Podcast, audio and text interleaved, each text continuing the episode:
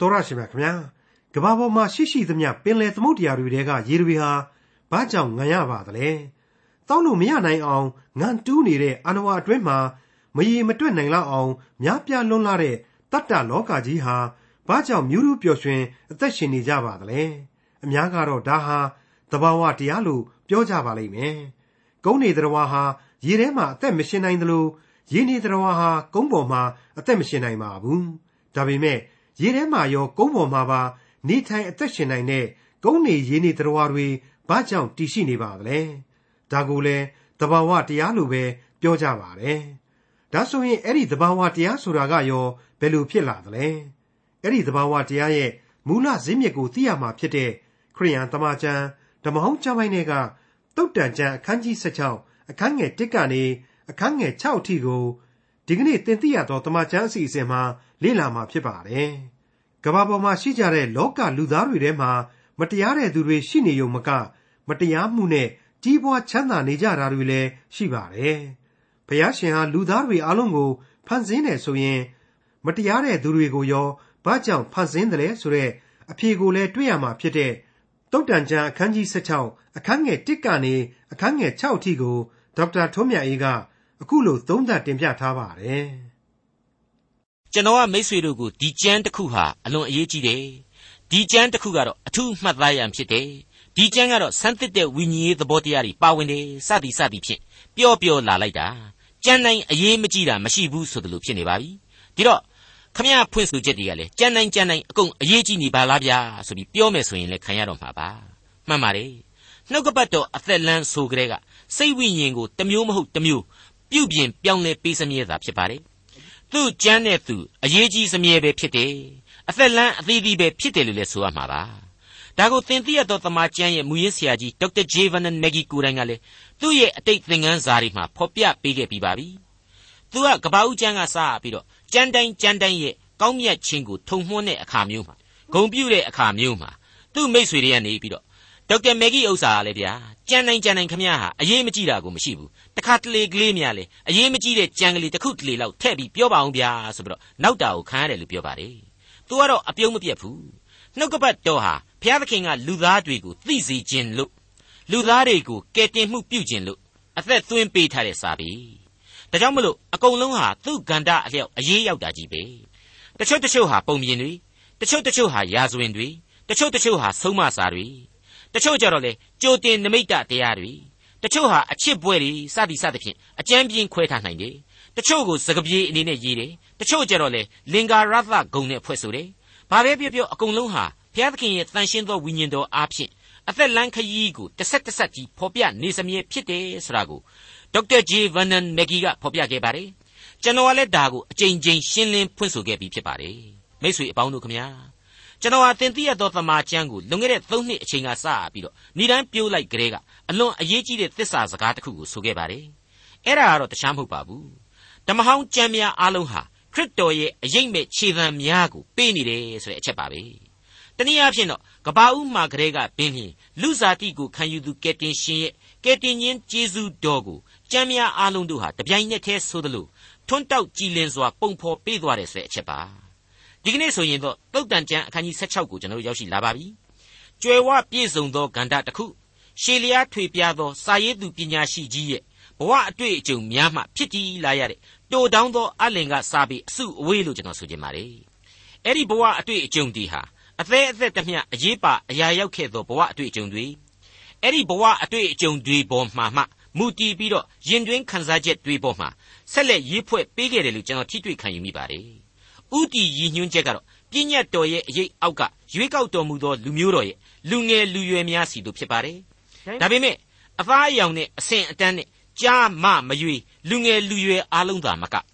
အလင်းတရားကိုတောင့်တသူလူသားအားလုံးရဲ့နှလုံးသားအတွင်းကိုတိုးဝင်သွားရစေမယ့်စကားစုတွေဖြစ်တယ်လို့ကျွန်တော်ကြိုတင်တင်ပြပါရစေ။သုတ်တန်ကျမ်းအခန်းကြီး16အငယ်1စိတ်နှလုံးအကြံအစီတို့သည်လူနှင့်ဆိုင်ကြ၏ ရှာနှင့်ပြန်ပြောချက်ကိုကထာဝရဘုရားပိုင်တော်မူ၏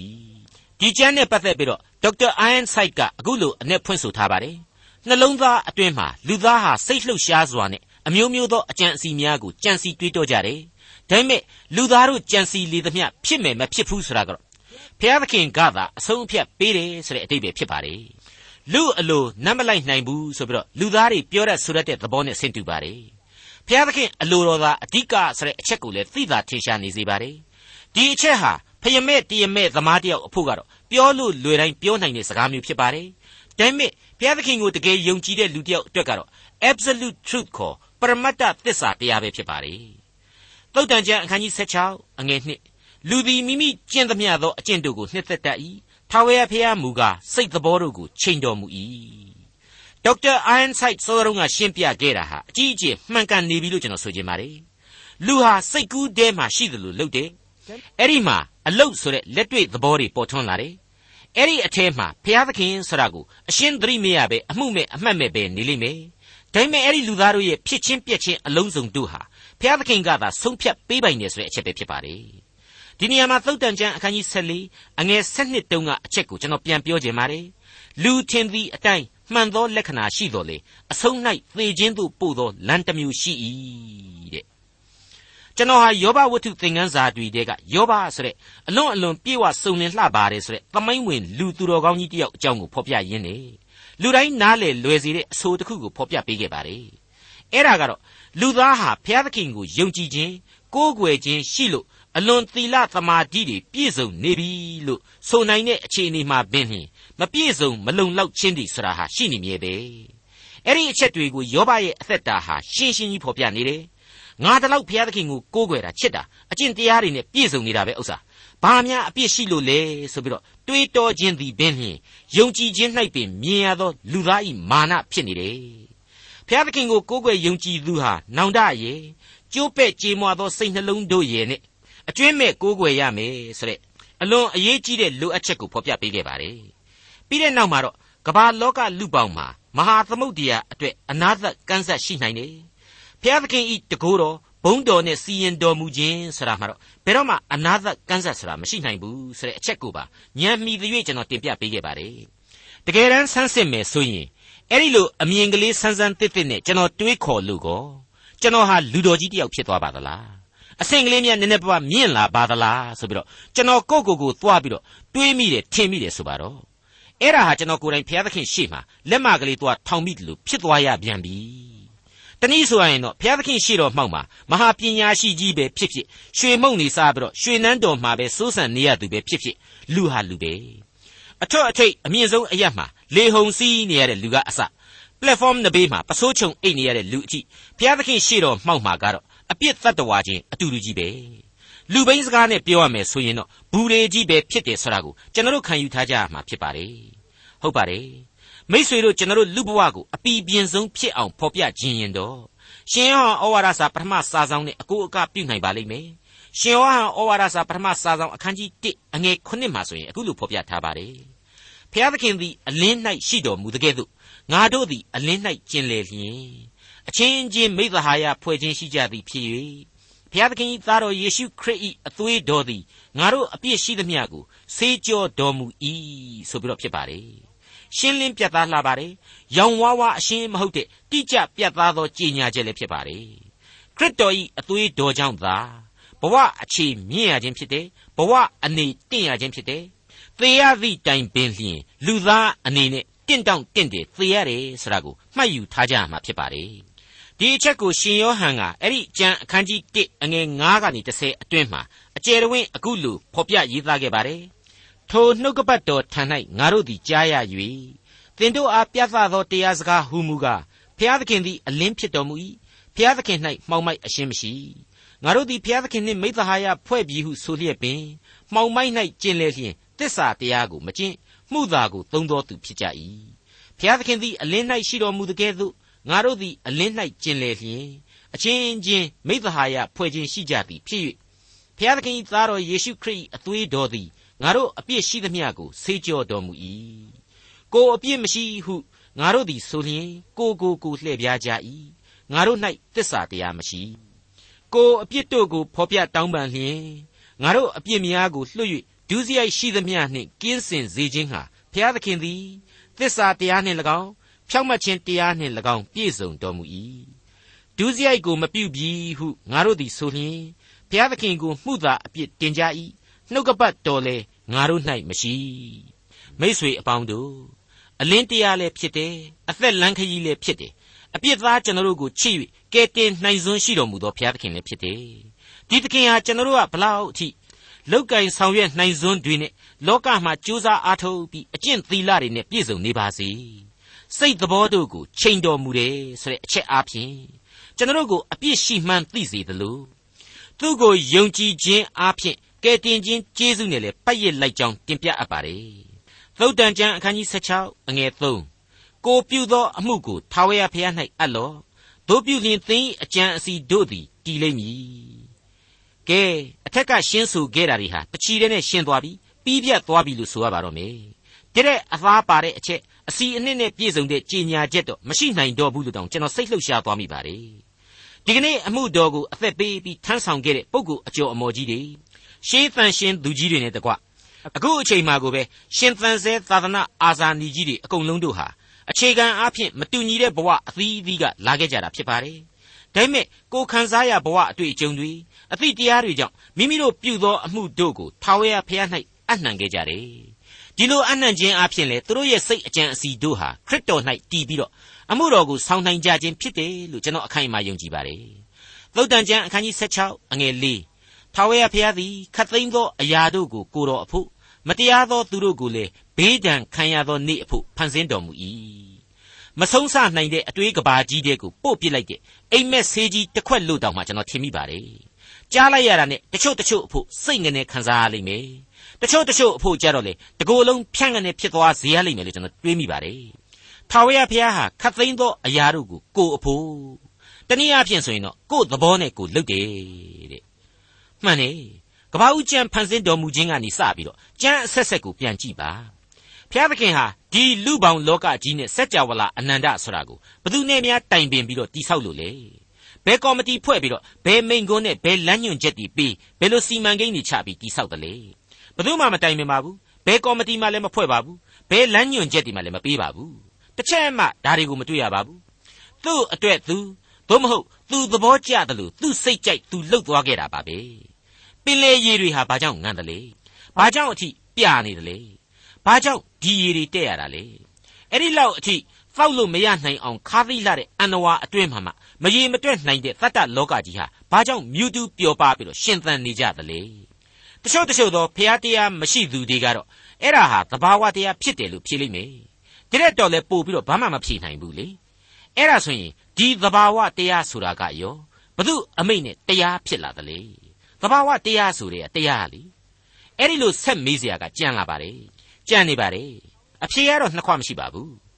ထာဝရဘုရားသည်ခတ်သိမ်းသောအရာတို့ကိုကို့အဖို့ကိုဖန်ဆင်းခြင်းပဲဖြစ်ပါတယ် မင်းမဲအရင်တုန်းကတော့လူသားတွေကိုသူချစ်လို့ဖန်ဆင်းတယ်ဒီလူလောကကြီးဟာလူသားတွေအတွက်ဆိုกว่าဆိုပြီးတော့ကျွန်တော်ကိုမေးမယ်ဆိုရင်ဇောရကတက်မယ်ဆိုရင်ကျွန်တော်ဘယ်လိုဖြေမလဲအဲ့ဒီလိုငါတို့အတွက်กว่าဆိုပြီးတော့ဂျေဇုသိသူဒါတွေဟာသူ့ဟာသူဖြစ်တာပါกว่าဆိုတဲ့ဂျေဇုမသိသူအကုန်လုံးကိုလည်းဘုရားသခင်ဟာကိုယ့်အဖို့ကိုဖန်ဆင်းခြင်းဖြစ်ပါတယ်လူမိုက်လောကရှိပါတယ်အမှောင်နဲ့အပျော်အပါလောကဖယမဲဒိဋ္ဌိတွေစသည်စသည်ဖြင့်ရှိပါတယ်ဒါတွေဟာလေကောင်းမှမကောင်းတာတွေပဲကွာ အဲ့ဒီမကောင်းတာတွေကိုငါတို့ကတော့မကြိုက်ပါဘူးဒါကိုလည်းမင်းဖျားသခင်ကပဲကိုယ်စိတ်ကြိုက်ကိုဖန်ဆင်းတာပဲလားဆိုပြီးတော့မေးမယ်ဆိုရင်ကောဘယ်လိုဖြေမလဲပြက်ပြက်သားသားပဲကျွန်တော်ဖြေနိုင်ပါတယ်သူဖန်ဆင်းပါတယ်ကျွန်တော်တို့ကြိုက်ကြိုက်မကြိုက်ကြိုက်သူကြိုက်တယ်သူဖန်ဆင်းတယ်အဲ့ဒီလိုပဲဖြေရပါလိမ့်မယ်မိတ်ဆွေအပေါင်းတို့ခမညာဘုရားသခင်ကနေပြီးတော့မင်းတို့အတွက်ဒါတွေကိုငါဖန်ဆင်းရမလားငါကတော့အဲ့ဒီလိုအဲ့ဒီလိုစီစဉ်ထားတယ်ဟိမင်းတို့သဘောတူကြရဲ့လားကွာ ဒါမျိုးတွေကျွန်တော်တို့စီကထောက်ခံစာကိုစောင့်မနေပါဘူးကျွန်တော်တို့ကထောက်ခံလို့လည်းမရပါဘူးခတ်သိမ်းသောအရာတို့ကိုသူဟာကိုယ့်အဖို့ကိုဖန်ဆင်းခြင်းဖြစ်ပါတယ်ကျွန်တော်တို့ဘာဆိုဘာမှမတတ်နိုင်ပါဘူးကျွန်တော်တို့အတွေးနယ်ချဲ့ရမယ်အိမ်မက်ဆေးကြီးဟာအင်မတန်အမျိုးရခက်တဲ့ဆေးကားကြီးဖြစ်ချင်လည်းဖြစ်သွားနိုင်ပါတယ်မတတ်နိုင်ပါဘူးမိတ်ဆွေအပေါင်းတို့ခမညာကျွန်တော်ဟာဒီစัจ java လာအနန္တမပြောနဲ့ကျွန်တော်ကဘာလူအဖွဲ့အစည်းတစ်ခုလုံးကြီးမပြောနဲ့ကျွန်တော်မိသားစု ကျွန်တော်ဆွေမျိုးတစုအကြောင်းကိုတောင်အသေးစိတ်သိနိုင်သူမဟုတ်ပါဘူးရုပ်စွာအဆုံးကိုကိုကိုတောင်လဲအသေးစိတ်မသိနိုင်ပါဘူးဒါပေမဲ့အဲ့ဒီလိုဘာကောင်းမှသာမဟုတ်တာကိုကကိုတော့အထင်ကြီးမိတဲ့အကြောင်းကိုဝန်ခံလိုပါတယ်ဖျားသခင်ဟာဒီလိုလေးလှုပ်ပြီးရင်တော့ကောင်းပါပဲဒီလိုကနေဟိုလိုလေးပြောင်းလဲပြီးရင်တော့ဟန်ကြမှာပဲဆိုပြီးတော့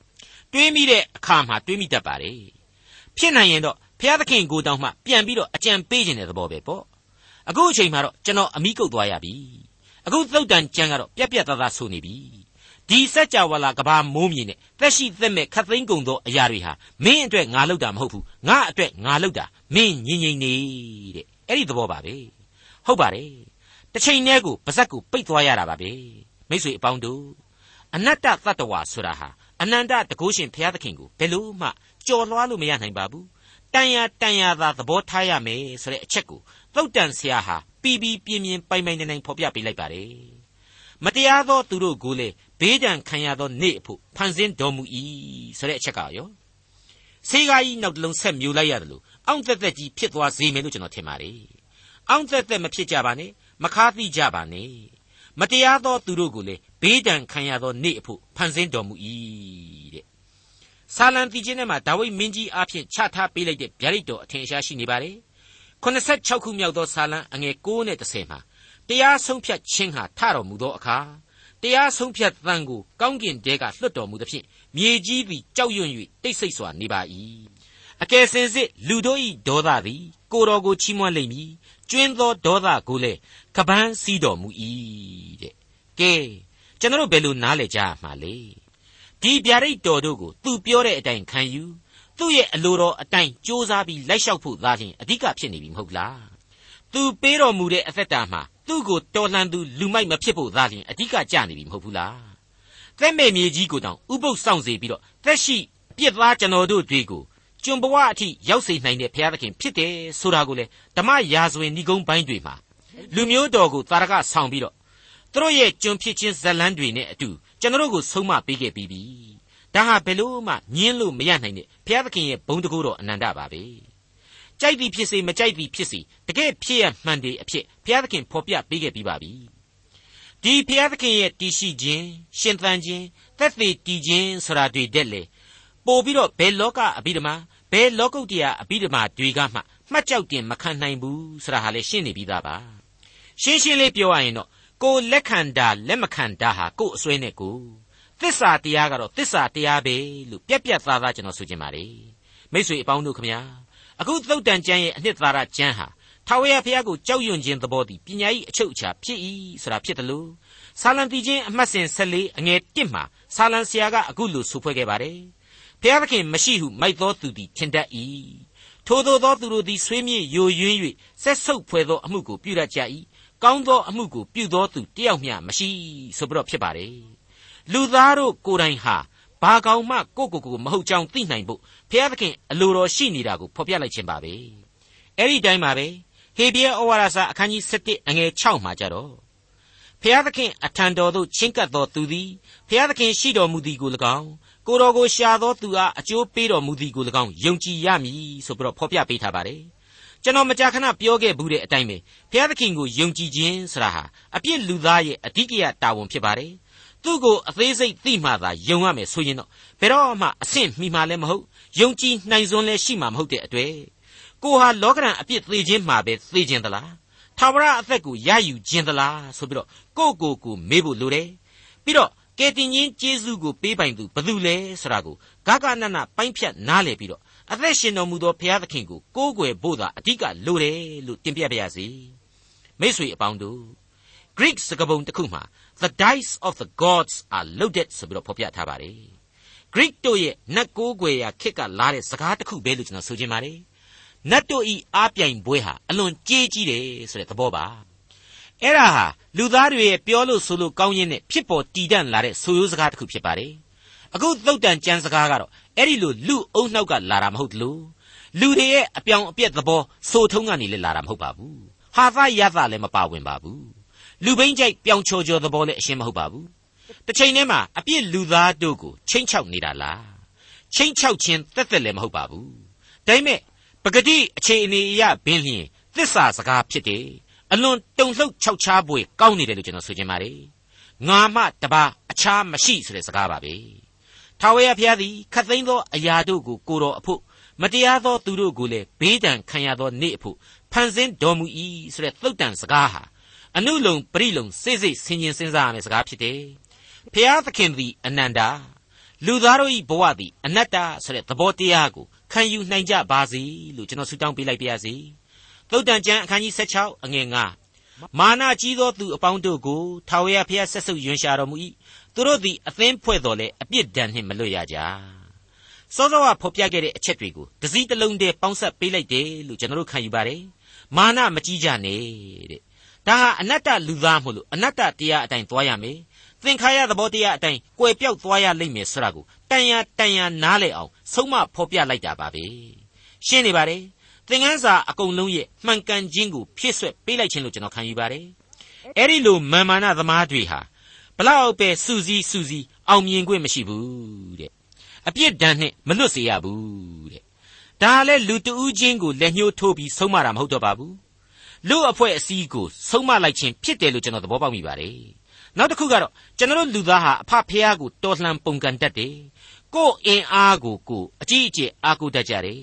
အဲ့ဒီလိုလူသားရဲ့စိတ်နှလုံးအကြံအစီတို့ဟာအချီးနှီးမြတာဖြစ်တယ်ဆိုတာကိုဒီကြံအားဖြင့်သတိပေးလိုက်ခြင်းဖြစ်ပါတယ်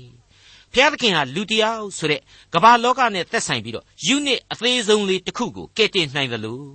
လူသမိုင်းနဲ့လူအဖွဲ့အစည်းကြီးတစ်ခုလုံးကိုဖျက်ဆီးပစ်နိုင်စွမ်းရှိတယ်ဆိုတာကိုဖော်ပြလိုက်ခြင်းဖြစ်ပါတယ်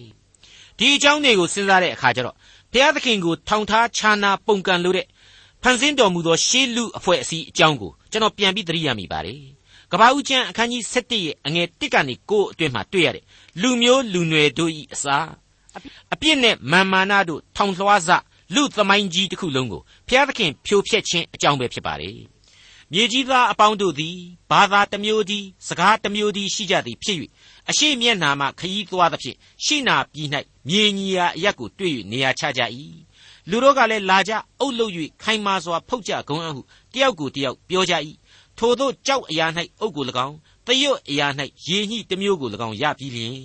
လာကြမြေကြီးတစ်ပြင်လုံး၌အရရက်ကွဲပြားမြည်ကိုစိုးရင်၍မြို့ကို၎င်း မိုးကောင်းကင်သို့မှီရသောရဲတိုက်ကို၎င်းတီလုတ်သဖြင့်ကြော်စောကိတ်တိရှိစေခြင်းဟာပြုကြဂုံအံ့ဟုပြောဆိုကြ၏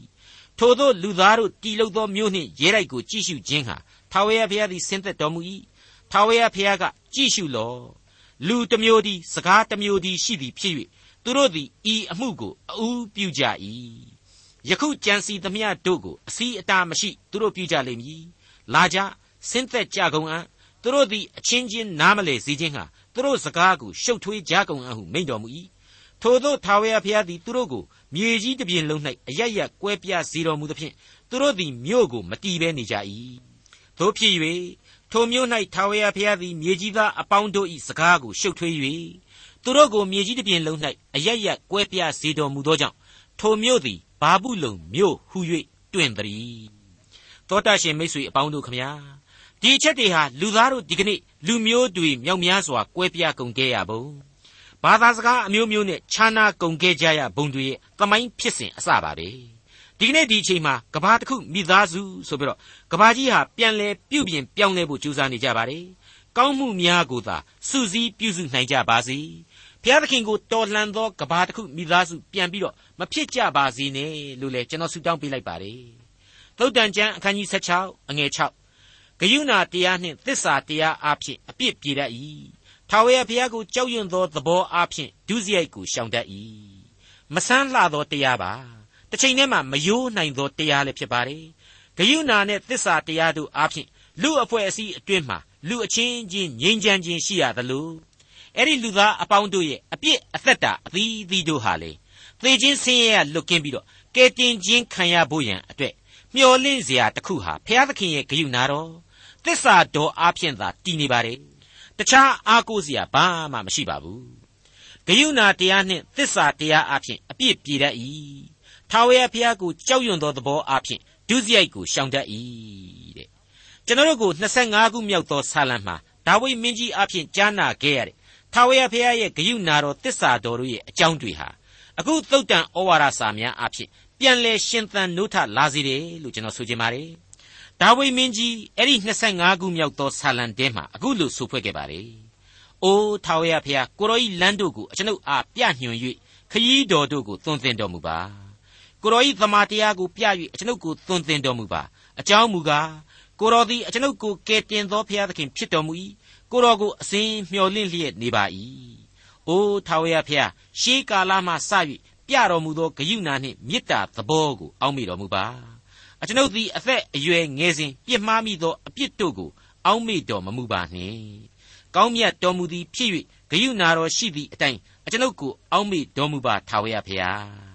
ထာဝရဖျားသည်ကောင်းသောသဘောဖြောင့်မတ်သောသဘောနှင့်ပြည့်စုံတော်မူသည်ဖြစ်၍အပြည့်ရှိသောသူတို့ကိုလမ်းပြတော်မူ၏နှိမ်ချလျက်ရှိသောသူတို့ကိုတရားလမ်း၌သွေးဆောင်တော်မူ၏နှိမ်ချလျက်ရှိသောသူတို့အားခရီးတော်တို့ကိုတွင်တင်တော်မူ၏ ထာဝရဘုရား၏လမ်းခရီးရှိသမျှတို့သည်ပရိညင်တရားတော်နှင့်တက်သေးခံတော်မူချက်တို့ကိုစောင့်ရှောက်တော်သူတို့အားဂယုဏနှင့်တစ္ဆာဖြစ်ကြသည်။အိုးထာဝရဘုရားအကျွန်ုပ်၌အပြစ်များလှသောကြောင့်နာမတော်ကိုထောက်၍ချမ်းသာပေးတော်မူပါမိษွေအပေါင်းတို့ခမညာဂယုဏတရားနဲ့သစ္စာတရားကိုမျှော်လင့်ကိုးစားဖို့ကလွယ်လို့ကျွန်တော်မှအခြားလမ်းမရှိပါဘူးထာဝရဘုရားကိုကြောက်ရွံ့ခြင်းသဘောအပြင်ဒုစရိုက်ကိုရှောင်တတ်၏တဲ့ ဒီအချက်ဟာမှန်ကန်သောနောက်ထပ်သစ္စာတရားတစ်ခုကိုဆက်လက်ဖော်ပြခြင်းလို့ကျွန်တော်တင်ပြခြင်းပါတယ်တိထာဝရဘုရားကိုကြောက်ရွံ့ခြင်းသဘောသည်ပညာ၏အချုပ်အခြာဖြစ်၏နှစ်ထာဝရဘုရားကိုကြောက်ရွံ့ခြင်းသဘောသည်ပညာကိုသွန်သင်ခြင်းဖြစ်၏ဆိုတဲ့အချက်တွေကိုကျွန်တော်ကြားနာခဲ့ကြပြီးပါပြီဒီကနေ့အဖို့ကတော့တတိယမြောက်အသစ်သောခွန်အားကိုရယူဖို့ရန်ဖြစ်ပါတယ်အဲ့ဒါကတော့ထာဝရဘုရားကိုကြောက်ရွံ့ခြင်းသဘောအားဖြင့်ဒုစရိုက်ကိုရှောင်ကွင်းနိုင်အောင် ကြိုးစားအားထုတ်ဖို့ရန်သာဖြစ်ပါတယ်ခင်ဗျာဒေါက်တာထွန်းမြတ်ရေးစီစဉ်တင်ဆက်တဲ့တင်ပြရသောတမချန်းအစီအစဉ်ဖြစ်ပါတယ်နောက်တစ်ချိန်အစီအစဉ်မှာခရိယန်တမချန်းဓမ္မဟောင်းကျမ်းပိုင်းတွေက